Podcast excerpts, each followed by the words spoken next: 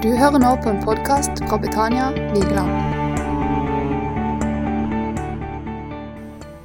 Jeg skal bare aller først lese noen vers fra Salme 139 som et utgangspunkt. Herre, du ransaker meg, og du vet, ja, du vet om jeg sitter eller står. På lang avstand kjenner du mine tanker. Om jeg går eller ligger, ser du det. Du kjenner alle mine veier. Før jeg har et ord på tungen, Herre, så kjenner du det fullt ut. Bakfra og forfra omgir du meg. Du har lagt din hånd på meg. Det er et under jeg ikke forstår. Det er så høyt at jeg ikke kan fatte det. Hvor skulle jeg gå fra din pust? Hvor kunne jeg flykte fra ditt ansikt? Stiger jeg opp til himmelen, er du der. Legger jeg meg ned i dødsriket, er du der tar jeg soloppgangens vinger og slår meg ned der havet ender, da fører din hånd meg også der. Din høyre hånd holder meg fast. Jeg kan si, la mørket skjule meg, og lyset omkring meg blir natt. Men mørket, det er ikke mørkt for deg. Natten er lys som dagen. Mørket er som lyset. For du har skapt mine nyrer, og du har vevd meg i mors liv. Jeg takker deg for at jeg er så underfullt laget. Underfulle er dine verk, det vet jeg godt. Stopper der. Du kan lese hele salma hvis du vil etterpå når du kommer hjem. Salme 139. Det jeg har lyst til å snakke litt om i dag, det er at Gud, han er allestedsnærværende. Ja, det vet jeg. Det har vi jo hørt mange ganger. Gud er overalt. Ja, jeg har lyst til å si det likevel. Jeg har lyst til å bruke noen historier til å beskrive hvordan Gud er til stede overalt til enhver tid. Når Gud skapte, så leser vi i skapelsesberetningen at han setter seg tilbake i skapelsen hele tida. Og så sier han Og Gud så at det var godt, det han hadde skapt. Så når Gud hadde skapt alt, så kunne han med ett blikk se alt han hadde skapt. Han slapp å ta en befaring sånn rundt for å se. Når du har bygd et hus, så må du på befaring, på ferdig befaring. Da må du gå fra rom til rom, og du må studere om alt er blitt sånn som du hadde tenkt. Gud, han ser det i ett øyeblikk. Alt han har skapt. Og alt det han skal skape. Det vi leste her òg, til og med du. I samme øyeblikk, i samme moment, så ser han ah, det er godt. Og han er til stede der han skaper, han er til stede her, nå. Hvordan er det mulig at Gud kan være alle stedsnærværende? Ikke så lett å forstå, men jeg velger å tro at Gud, han er alle steder.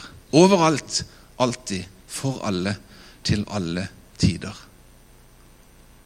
Og Hvis jeg med noen få ord nå kan gi deg en oppmuntring i det, så ville det vært mer enn nok.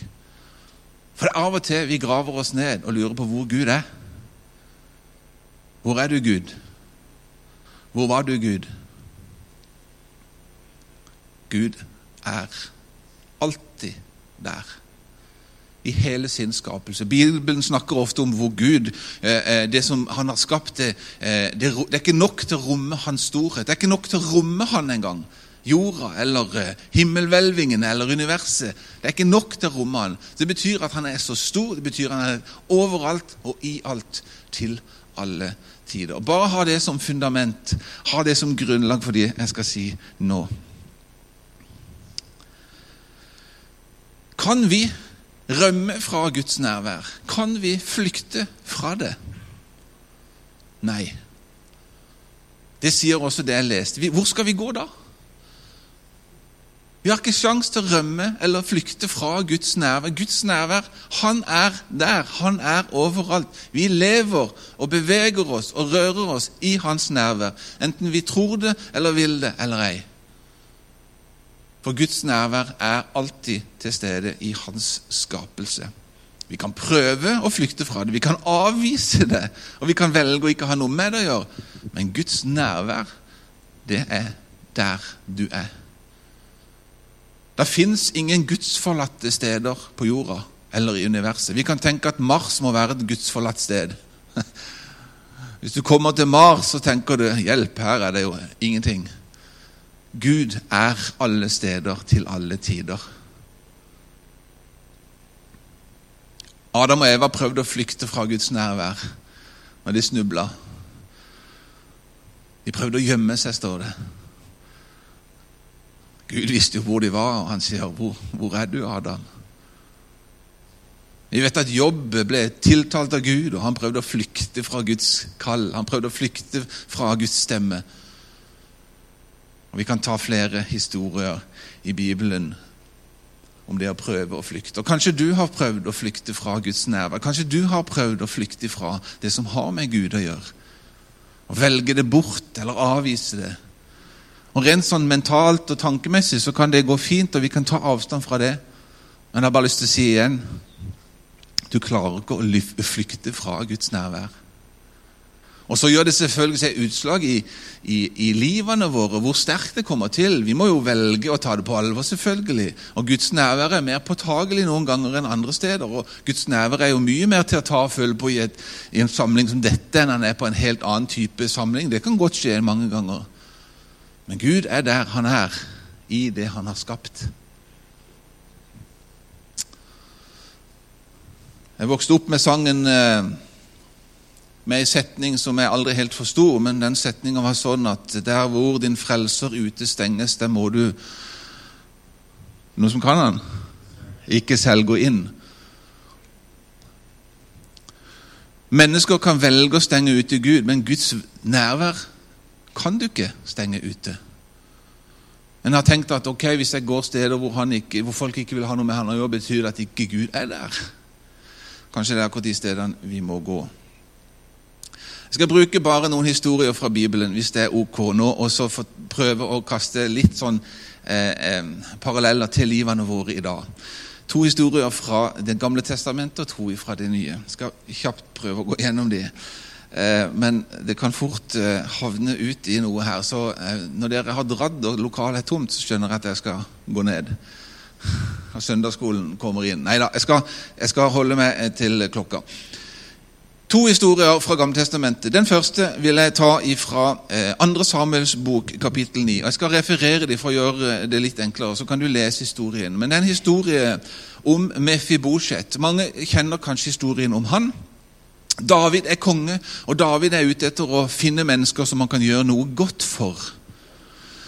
Og Der ute så er det en kar som har slitt i livet. Han har eh, et, en utfordring rent fysisk, et handikap. Han har problemer med beina og ikke kan gå. Og Kort fortalt så handler det om at David vil gjøre noe godt, og han kaller på denne som heter Mefibosjet. Og Han får folk til å gå ut og hente han og få han inn til kongens hus. Det skjer. 2. Samuel kapittel 19. Da kan du lese om det. Han blir overraska. Han blir forundra. Hvordan kunne kongen bry seg om han? Det fine med historien, hvis vi flytter den i litt perspektiv, er at David som kongen han var konge der også som Mefibosjet var. Så han var kongen hans der som han satt, der ute. Men kongen gjør noe mer. Han tar han til seg.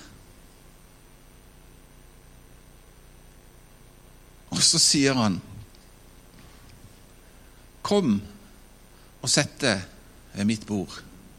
En ganske sterk historie om denne gutten, eller han var blitt mann nå, som hadde slitt gjennom livet, kanskje, fordi han hadde handikap. Kanskje var blitt utstøtt, kanskje var blitt sett ned på, kanskje var, eh, eh hadde fått og blitt stempla som et eller annet som ikke vi ville ha så mye med å gjøre. Han kaller kongen på og sier, 'Kom nær til meg'. Kongens nærvær ble plutselig et helt annet. Han var konge der han var. Han hadde David som konge, så han var der jo i hans kongerike. Men plutselig så kommer hans kongerike, og så kommer kongen sjøl veldig nær og han får lov til å sitte ved bordet. Og etter den dagen så satt Mefibosjet ved kongens bord. Hva betyr det når du kommer og setter deg til bords med noen? Det betyr at du kommer veldig nært. Det er noe av det næreste du kan komme, det er å dele måltid sammen. Og her med kongen.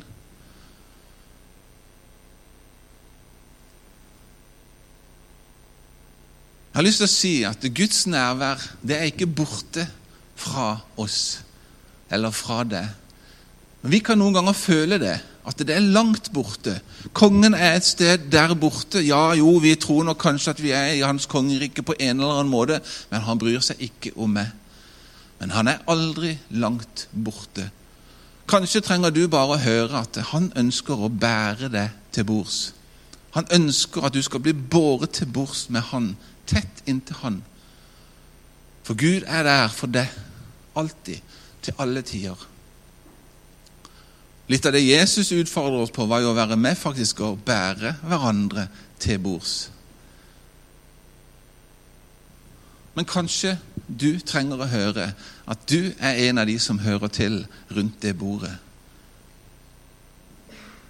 Gud er ikke langt borte. Gud er nær. Han ønsker så inderlig å dele med oss. Dele måltid, dele sitt hjerte med oss og alt det han har.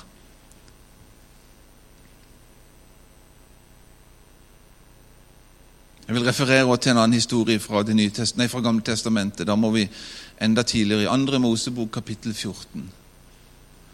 La meg bare også referere kort til historien.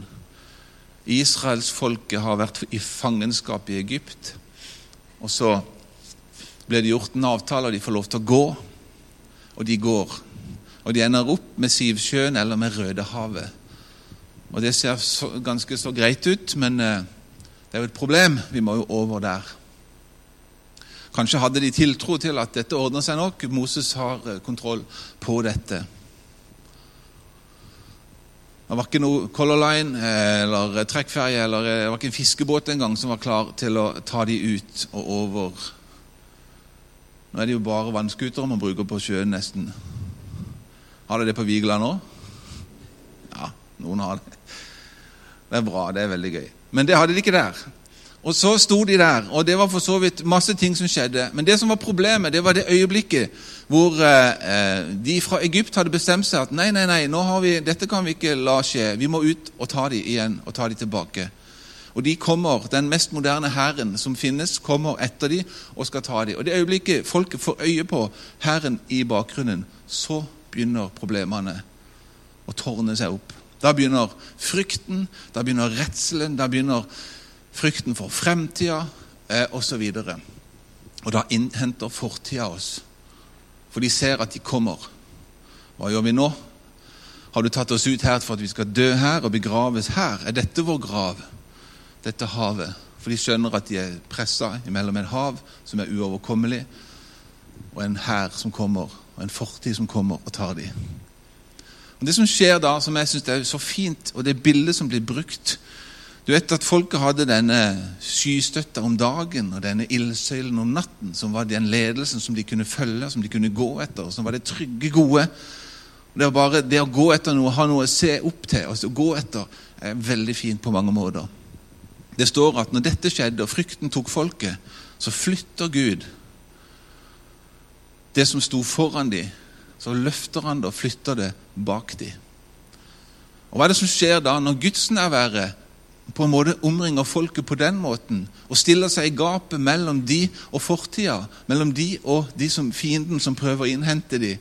Og Det som skjer, er at det, det blir mørkt på den sida hvor fienden er, og det er lys der som folket er, står det. Og Så kan de tilbringe natta der, selv om fienden står der og trykker på og de skal ta dem. Men de kommer ingen vei.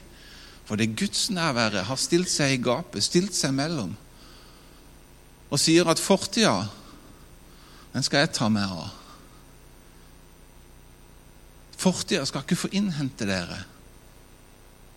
Nå skal dere gjøre dere klar til å gå, og så skal dere gå tørrskodd over her. Så kjenner vi historien. Det er det som skjer. Det blir lys, dagen kommer, og folket får lov til å dra over og bli redda.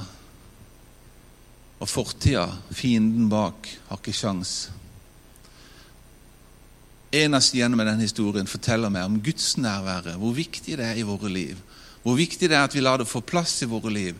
Og at Gud, som kjenner oss, og som kjenner alle ting, han vet til enhver tid hva han skal gjøre, og hvordan han skal gjøre det. Og når han da går inn og stiller seg bak Hvis vi tar det inn i dag Kanskje du sliter med ting som eh, har kommet tilbake, ting du kanskje har gjort opp, ting du er ferdig med i livet egentlig. Men så har du i en tid kanskje kjent at det har innhenta deg litt igjen. Ting som er fra fortida, ting som har vært krevende å forholde seg til. Det kan være i situasjoner, det kan være mennesker, det kan være hva som helst. Og så kjenner du bare trykket, og så mister du blikket for ledelsen som du har vært i lenge. Du skjønner ikke hvordan kan jeg komme igjennom det som nå ligger foran meg. Og så flytter vi fokuset fra å se på det som ligger foran, til å se på det som ligger bak, og så føler du deg fanga mellom fortida og en uoverkommelig fremtid. Jeg har bare lyst til å si at Guds nærvære og Gud, han er ikke langt borte. Han er der du er. Og han stiller seg i det gapet mellom deg og fortida og det som kommer og vil røve noe, og vil ta fra deg noe som kanskje allerede er lekt, som kanskje allerede er løst. Men vi flytter fokuset. Dette kjenner vi sikkert alle. Når vi begynner å tenke på ting, når vi begynner å flytte fokuset fra Guds ledelse, fra, fra eh, fremtid og håp og eh, inspirasjonen vi kjenner når vi går I det øyeblikket vi begynner å miste litt av det, og begynner å snu oss og begynner å se på det som var, så mister vi på en måte noe av gløden, så mister vi kanskje motet, og så mister vi fremtidstroa. Gud er alle stedsnærværende for alle til alle tider i alle sesonger, folkens. Jeg får bare ta fort eh, også to historier fra Det nye testamentet. Gud tar oss gjennom alt. Gud tar oss gjennom alt. Det så vi folket kom der de skulle. Skal vi gå til eh, apostelgjerningene 17? Nå har jo mye skjedd i historien, så nå er gudsnærværet på en måte veldig annerledes òg. For nå har Jesus kommet, og Den hellige ånd har falt og eh, har jo ikke vært fraværende. Den hellige ånd var jo også med i den gamle tid, men på en annen måte. Nå ble det plutselig en helt ny tid for folket, og de fikk plutselig erfare gudsnærværet enda sterkere i sine personlige liv.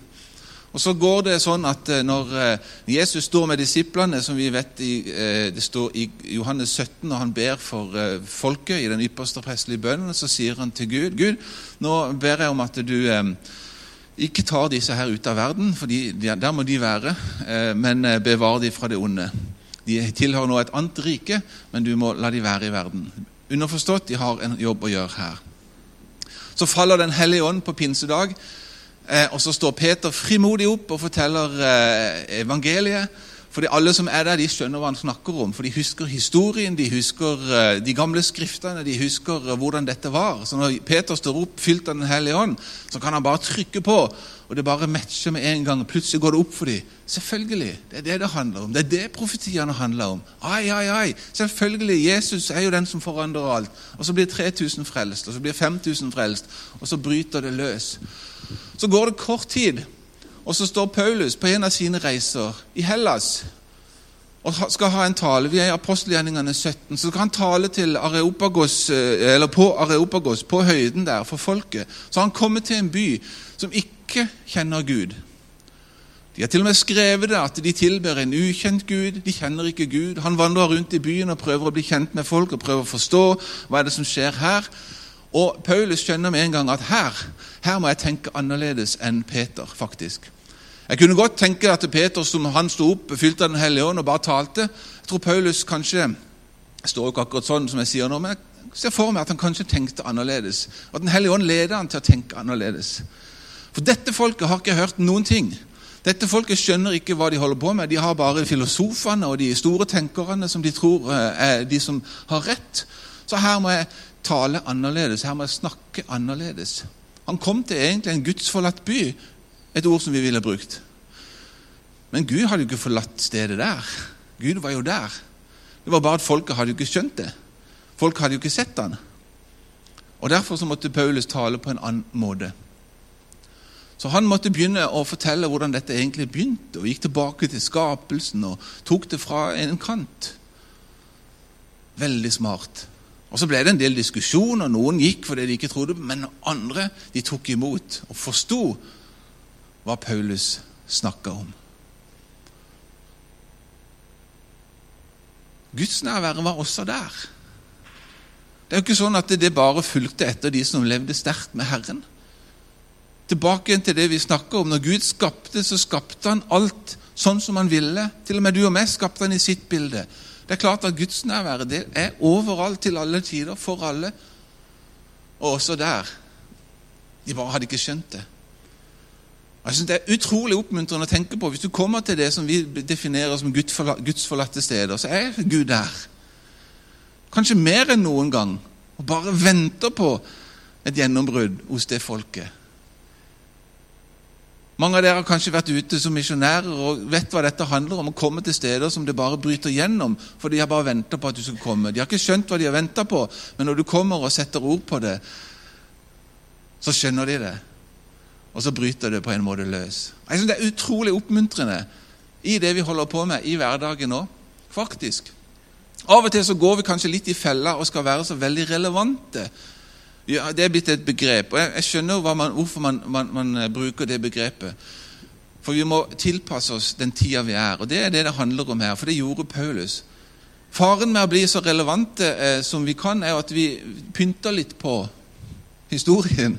Vi pynter litt på gudsbildet. Vi pynter kanskje litt på gudsbegrepet. Det gjorde ikke Paulus. Men han var superrelevant. og Han skjønte hvordan han skulle snakke, han skjønte hvordan ord han skulle bruke til folket av den tida. Men han endra ikke noe på evangeliet. Det er min oppmuntring til oss alle i den tida vi lever i. At vi er våkne og forstår hvilken tid vi lever i, og forstår hvilke ord vi skal bruke. Og Kanskje av og til tenke at det er ikke sikkert i møte med disse menneskene her så skal vi snakke sånn som vi gjorde på 40-tallet og bruke de samme ordene. Kanskje vi skal tenke annerledes. Kanskje vi skal sette oss inn i hvordan nye generasjoner har det. Hvordan, hva som skjer i samfunnet, i måten vi snakker om. 'Nei, men Den hellige ånd skal ta hånd om det, så jeg kan bruke de ordene jeg vil.' Jeg bare durer på, sånn som jeg alltid har talt fra 30-, og 40- og 50-tallet. Nei, kanskje Den hellige ånd ønsker at vi skal forstå hvilken tid vi lever i. Kanskje ønsker oss å se hva er det egentlig som skjer. For vi kan jo gå i samme felle som det politiske Norge har gjort nå. For de store moderpartiene, som det heter, de har jo ikke fulgt med i timen. De har jo ikke skjønt hva som har skjedd.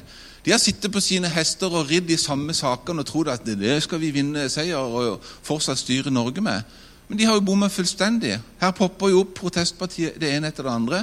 Så De har ikke fulgt med i timen, de skjønner ikke hva som foregår i samfunnet. De skjønner ikke den reelle klimabekymringa som ungdom har. Så kan vi voksne fnyse av det og si det der, hallo, hvem skal kjøre det til treninga? begynner noen å si. Vi må jo bruke bilen. Har dere ikke tenkt på det? Skal dere labbe? Videre. Da kjenner jeg argumentasjonen. Men bekymringa er reell hos den oppvoksende generasjonen. Så kan vi godt diskutere hvor, hvordan den skal løses, og hva det er, men den er reell. Og Hvis ikke vi forstår det, så kan det være at vi sliter med å kommunisere. Og Sånn gjelder det òg inn i våre sammenhenger. Det som har med tro å gjøre, det som har med Jesus å gjøre. Av og til så må vi kanskje sette oss ned sammen med de som vi møter. Enten de er unge eller eldre, men som kanskje aldri har hørt noe om tro før. Og prøve å forstå. Og begynne kanskje på en måte som vi aldri har gjort før. Til slutt skal jeg ta en historie til eh, fra Det nye testamentet. Dette engasjerer meg, for jeg har så lyst til å lære så mye mer av det sjøl. Og Jeg sitter hver dag og tenker hvordan skal jeg si dette på lufta til alle disse tusenvis som hører. For det er ganske mange tusen som hører på hver dag. Nå er vi oppe i 13 000 tror jeg, som hører på hver dag, og eh, flere skal det bli. Det, vi, vi, skal, vi, skal, bli mye mye større, men 13 000 hver dag er ganske mange tenker hvordan skal jeg si dette her? Og dette brenner jeg for, for jeg vet jeg har et stykke i den sjøl. Men jeg ønsker så inderlig å snakke om Jesus på en måte så folk forstår det. Og kan relatere til det og sette det inn i sin sammenheng. En siste historie fra Johannes' åpenbaring. Engelen som eh, skulle bli tilskrevet og vi har brevene til forskjellige menigheter. Og Jeg har lyst til å ta en historie der som jeg i mange år har syntes har vært helt forferdelig, men som egentlig er jo ganske fantastisk. Og Det er brevet til Laudikea. Jeg hadde lyst til å si skal vi si Laudikea sammen, men vi skal ikke gjøre det. Men det er jo et morsomt ord. Eh, det er jo en eh, by som, fikk, som hadde en menighet, og som fikk et av brevene fra Johannes' åpenbaring. Det begynner sånn i kapittel 3, vers 14. Dette sier Han som er Amen, det trofaste og sannferdige vitne, opphavet til alt som Gud har skapt. Altså Der er vi tilbake inn til Gud, alle stedsnærværende, skaperen, han som er opphav til alt, han som regjerer, han som er den som vet om alle ting. Så sier han, 'Jeg vet om dine gjerninger'. Og Jeg husker da jeg var liten og det sto forkynnere og snakka om dette. Ære være de, men av og til så kjente jeg bare 'Å, jeg vet om dine gjerninger'. Det er noen som har kjent det? Jeg trenger ikke bekjenne, og sånn, men jeg er sikker på noen har av og til kjent det. Jeg vet om dine gjerninger. Og vi sang sanger om at vi må være forsiktige og så videre, sånn med hva vi gjorde og ikke gjorde. Men uansett, det traff på en litt sånn skal vi si, litt eh, feil måte. Han sier 'Jeg vet om dine gjerninger', og så sier han 'Du er verken kald eller varm'. Og da gikk det enda mer ned. Oi. Jeg vet ikke, Det er kanskje bare meg, men jeg, det der traff meg noen ganger så veldig. Du er verken kald eller varm, Terje. Hm. Og så sto de og så sa de eh, Gid du bare var kold eller varm. Kold det var jo et gammelt ord for kald. Eh, det var de gamle oversettelsene. Eh, du er verken kald eller varm. Om du, bare var kald, om du bare var kald eller varm. Men så kommer det. Du er lunken. Og var han som turte å si det. Du er lunken. Og jeg ble så redd. Og jeg begynte å ransake meg sjøl. Hm, jeg er lunken. Oi. For det som kommer etterpå, er jo enda verre. For hvis jeg er lunken, så kommer dette. Du er lunken. Du er ikke varm, du er ikke kald. Derfor vil jeg spytte deg ut av min munn. Da er du ute med meg. Jeg har hatt en litt lunken periode, tenkte jeg. Nå er jeg ferdig. Og så forsto jeg ikke helt hvorfor er det sånn at om du bare var kald eller varm liksom, Jeg tenkte jo at det er jo varm vi skal være, vi skal ikke være kalde. Så jeg tenkte det er en merkelig måte å si det. Det liksom, gikk mange år før jeg skjønte hva det betydde. Jeg vil gjerne være varm, men så sier han om jeg bare var varm eller kald. Ja vel, betyr det at vi skal være liksom bestemte og tydelige? Altså, det er bedre at du er totalt avvisende og kald. Det er liksom verre å være lunken. Nei, så handler det jo faktisk om du bare var kald eller varm, er faktisk positivt. Kan også være det. Du vet, den Menigheten her og denne byen her, de hadde sånne vannrenner inn til byen. De, kunne, de hadde ikke rør, men de hadde sånne akvedukter, som det heter, så de fikk vann. Og Det kom nokså langt ifra. En kald kilde. Når du kom frem til byen, så var det lunka. Så de visste hva lunkenhet var. Og lunka vann, det er ikke godt. Sant? Det er vi enige om. Der kan vi enes, søsken. Ja. Takk. Og der, så flott. Lunka vann, det er ikke godt. Og det visste de. Eh, og så brukes dette bildet om du bare hadde vært kald eller varm. Kaldt vann, det er med faktisk og forfrisker når du drikker det. Kaldt vann er forfriskende. Det gjør noe med det. Varmt vann kan være helbredende hvis du drikker noe varmt. Altså, det er positivt begge deler. Og vi kan ha, eh, Bibelen forteller om den kilden i oss som kan komme frem og bli liv for folk. Den kan være forfriskende, den kan være helbredende. Og Så snakker Bibelen her da, om dette brevet om at nei, men du er lunka, du er litt som verken eller. Ja, Hva betyr det at Guds nærvær er helt forlatt med? Nei da, det er jo det det ikke betyr. Dette bare leser jeg som en fin oppmuntring til å bare tenke gjennom livet. For det kommer noen vers etterpå som definerer ganske mye av hvordan livene våre er i 2019. For hør videre. Du sier 'jeg er rik, jeg har overflod og mangler ingenting', men du vet ikke at nettopp du er elendig og ynkelig, fattig, blind og naken. Derfor gir jeg deg det råd at du kjøper gull av meg, renset i ild, så du kan bli rik, og hvite klær som du kan kle deg med, og skjule din nakne skam, og salve til å smøre på øynene dine, så du kan se. Denne byen levde i luksus, de hadde veldig god råd. Denne byen var veldig god til å sy klær. De hadde en ull som satt veldig, var satt veldig høyt, en sånn svart, sort ull som var veldig god å lage klær med. De hadde kommet veldig langt i legenvitenskapen, så de hadde lagd en øyesalve som veldig mange etterspurte. Så de hadde alt det fysiske, alt var på plass, og de hadde gode liv. De hadde perfekte Instagram-kontoer. De var nydelige på sosiale medier. Alt var perfekt. De var i en posisjon hvor de hadde rikdom, De kunne mene noe der, de kunne tenke, si noe der, for folk hørte på dem, og de, jo, de var jo rike. De hadde eh, utvikla øyesalve, så de så jo så godt. Så sier han det her er ingenting. Du er rik, men du er fattig. Du har øyesalve, men du er blind. Du har klær, de fineste klær, men du er naken. Dette brevet det bare hjelper oss til tror jeg, å flytte fokuset vårt. For dette er et ganske solid brev inn til dagen i dag, til livene våre. Og Vi setter ofte vår lit til, eller vi stoler veldig ofte på de ytre tingene. På rikdommen vår, på alt vi kan, på alt vi får til. Og det er egentlig veldig bra. Vi, det, jeg står ikke noe at ikke vi skal være det. Men her har fokuset bare flytta seg helt bort ifra hva det egentlig handler om. Du må tilbake igjen. La det bli alvor og vend om, sier han. Se, jeg står for døren og banker. Om noen hører min røst og åpner døren, vil jeg gå inn til ham og holde måltid. Jeg med ham og han med meg. Der er vi tilbake til måltidet, folkens. Gud er ikke langt borte, selv om vi kanskje har havna i den hvis vi kan kalle det grøfta, hvor vi har satt, satset alt på vår velstand. Vi har satsa alt på at vi eh, ser så mye, for vi er så opplyste. Vi er så akademisk eh, på høyden at vi kan mene noe der, og vi kan si noe om det. Vi kan til og med mene mye inn i våre sammenhenger, hva som er rett og galt, og hva som folk burde gjøre og ikke burde gjøre. Så tror jeg, i hvert fall for min del, for jeg må, jeg må gå på mitt liv Kanskje jeg trenger av og til å få justert kursen min litt i forhold til det. Og se hvor er det jeg har min rikdom hva er det som gir øynene mine lys? Og hva slags kledning er det skal ikle meg med i den overført betydning som vi ofte snakker om?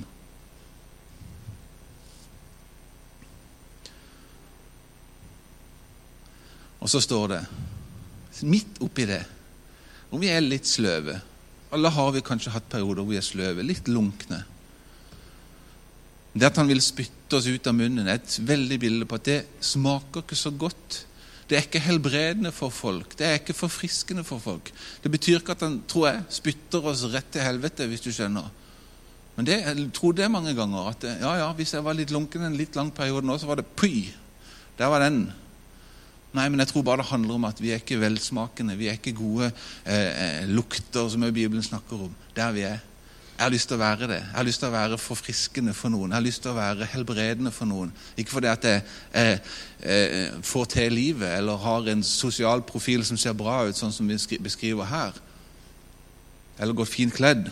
Jeg måtte jo kle meg sånn som dere hadde avbilda meg på annonsen, bare for å innfri én forventning, iallfall. Uansett. Nei, men det er jo litt sånn. Og Jeg bare ønsker jo for mitt liv at det skal være forfriskende. At folk skal bli forfriska. For jeg tror Bibelen eh, viser det så mye og så mange steder at du kan være en kilde. Og Hva det betyr når vi er der, betyr det at vi må gå en lang vei tilbake? Nei, tilbake igjen til Guds nærvære. La meg si det en gang til, for det verset som vi leste nå.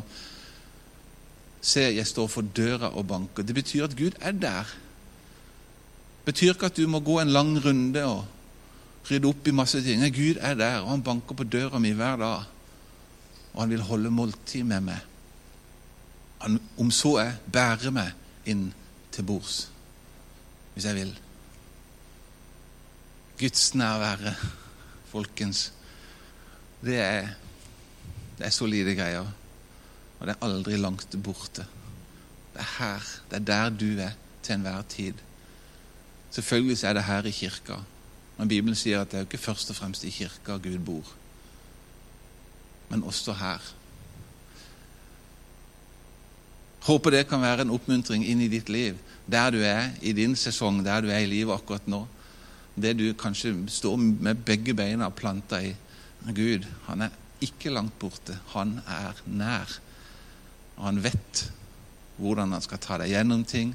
Han vet hvordan du skal eh, skal vi si Hvordan tingene er, hvordan de har vært, og ikke minst han vet hvordan de kommer til å bli.